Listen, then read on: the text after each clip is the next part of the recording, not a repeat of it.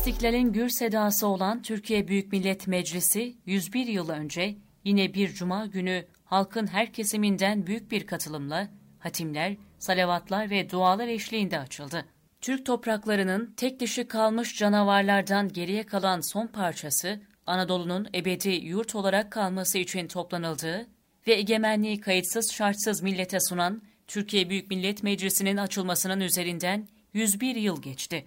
Ortaya çıkan her eserin bir hikayesi vardır. Olağanüstü meclis olarak bildiğimiz 1. TBMM'nin kurulma sürecinde de Osmanlı'yı fiilen etkisiz hale getiren Mondros Mütakeresinin imzalanması ve Osmanlı topraklarının itilaf devletleri tarafından işgali yer almaktadır. Dört bir taraftan kuşatılan ülkenin kurtarılması bu sefer diplomatik yolları da aşarak bir milletin topyekün kurtuluş mücadelesine dönüşecekti.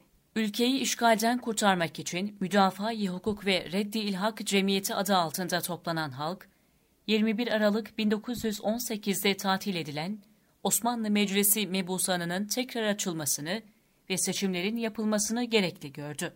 Fakat damat velet hükümeti bu karara karşı çıktı. Bunu gören padişah bu ikiliyi gidermek adına damat velet hükümetini istifa ettirip yerine 2 Ekim 1919'da Ali Rıza Paşa'yı getirdi. Padişahın da desteğiyle nihayet 12 Ocak 1920'de son defa açılışını yapan Meclis-i Mebusan, çok hayati bir karar vererek Türkiye Büyük Millet Meclisi'nin temelini attı ve ülkenin bölünmez bütünlüğünün bir yemini olarak Misak-ı Milli Beyannamesini 17 Şubat'ta ilan etti. İçeride milli mücadele için büyük gayretler verilirken bu durumdan haberdar olan gayrimilli düşman unsurlar da vardı. Alınan bu kararlardan haberdar olup rahatsızlık duymaya başlayan itiraf devletleri hiç boşluk vermeden harekete geçip 16 Mart'ta İstanbul'u işgal etti. Bazı milletvekillerini Limni ve Malta'ya sürdü. Bu artan belirsizlik ve kargaşada meclis 11 Nisan'da tamamen kapatıldı. Anadolu'nun tesliminin kolaylaşacağının düşünüldüğü işgal ve sürgünler, İtilaf devletlerinin Anadolu'daki varlığının sonu olacak ve milli mücadelenin ve Türkiye Büyük Millet Meclisi'nin de açılmasının fitilini ateşleyecekti. Milletin kararının üstünde bir kararı yok sayan Mustafa Kemal, bunun üzerine hazırlıklarını hızlandırdı. Bu şartlar altında İstanbul'da yapılacak toplantılar tehlikeli olabileceği için meclisin toplanma yeri Ankara olarak belirlenmişti. Fakat bu toplanma aynı zamanda özgür ve bağımsız bir meclisin kurulması anlamına da geliyordu. Vatanın istiklali, hilafet ve saltanat makamının kurtuluşu gibi en mühim ve hayati vazifeyi yerine getirecek olan Büyük Millet Meclisi'nin açılışını Cuma'ya tesadüf ettirerek, o mübarek günün bereketinden istifade etmeyi düşünen Mustafa Kemal, 23 Nisan günü Ankara'da bir meclisin toplanacağını askeri ve mülki makamlara gönderdiği tebligatla bildirmiş, bu haberin Anadolu'nun bütün kurum ve kuruluşlara en ücra köşede bulunan köylere kadar ulaştırılmasını emretmişti. İşgal altında bulunan Anadolu'nun her bir tarafından meclisin açılışı için yola çıkan asker, milletvekili ve halk 23 Nisan 1920 günü Ankara'da toplandı. 15. yüzyılın ikinci çeyreğinden itibaren birçok olaya şahitlik eden Hacı Bayram Veli Camii, bu sefer de bir milletin küllerinden doğmasına tanık olacaktı. Cuma namazı öncesi minaresinden yükselen salavat sesleri dalga dalga milli mücadelenin güçlü sesi olarak yankılanmaya başlamıştı. Selam ve ezanın okunmasıyla halk, kılınan cuma namazının ardından açılan Sakalı Şerif ve Sancak-ı Şerif'le birlikte meclisin ilk binası olan İttihat ve Terakki binasına doğru yürüdü. Meclise gelindiğinde önce dualar edildi ve ardından kurbanlar kesildi.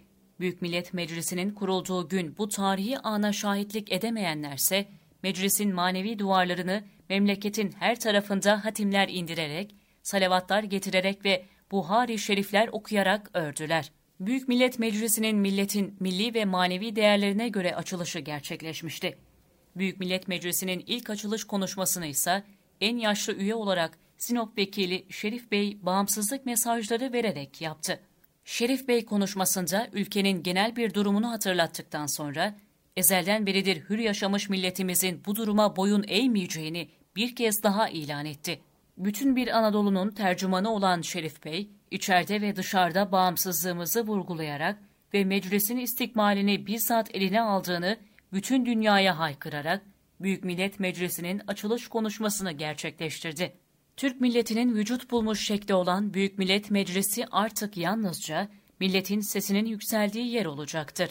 Öyle ki çatısı altında milyonları kucaklayacak olan Büyük Millet Meclisi'nin vekilleri yalnızca asker, yönetici, idareci, doktor, bürokrat ve din aliminden değil, eczacı, aşiret reisi ve teknik elemanların da içinde olduğu tabakalardan oluşuyordu. Meclise verilecek isimse 11 Nisan'dan beri kararlaştırılamamıştı. Her teba kendi düşüncesine göre isimler ileri sürmüştü. İslamcılar Meclisi Kebir, Meclisi Kebiri Milli, Türk Ocağı taraftarları Kurulçay, Osmanlıcılar Meclisi Mebusan, Milliyetçiler ise Büyük Millet Meclisi'ni önermişti. Önerilerin arasında Şerif Bey'in açılış konuşmasında söylediği gibi Büyük Millet Meclisi ifadesi öne çıkmış, geriye ise yalnızca devletin adını koymak kalmıştı. Büyük Millet Meclisi'nin ilk milletler arası anlaşması olan ve 2-3 Aralık 1920'de Ermenistan'la yapılan Gümrü Anlaşması'nda Türkiye ismi resmi olarak kullanılmıştı.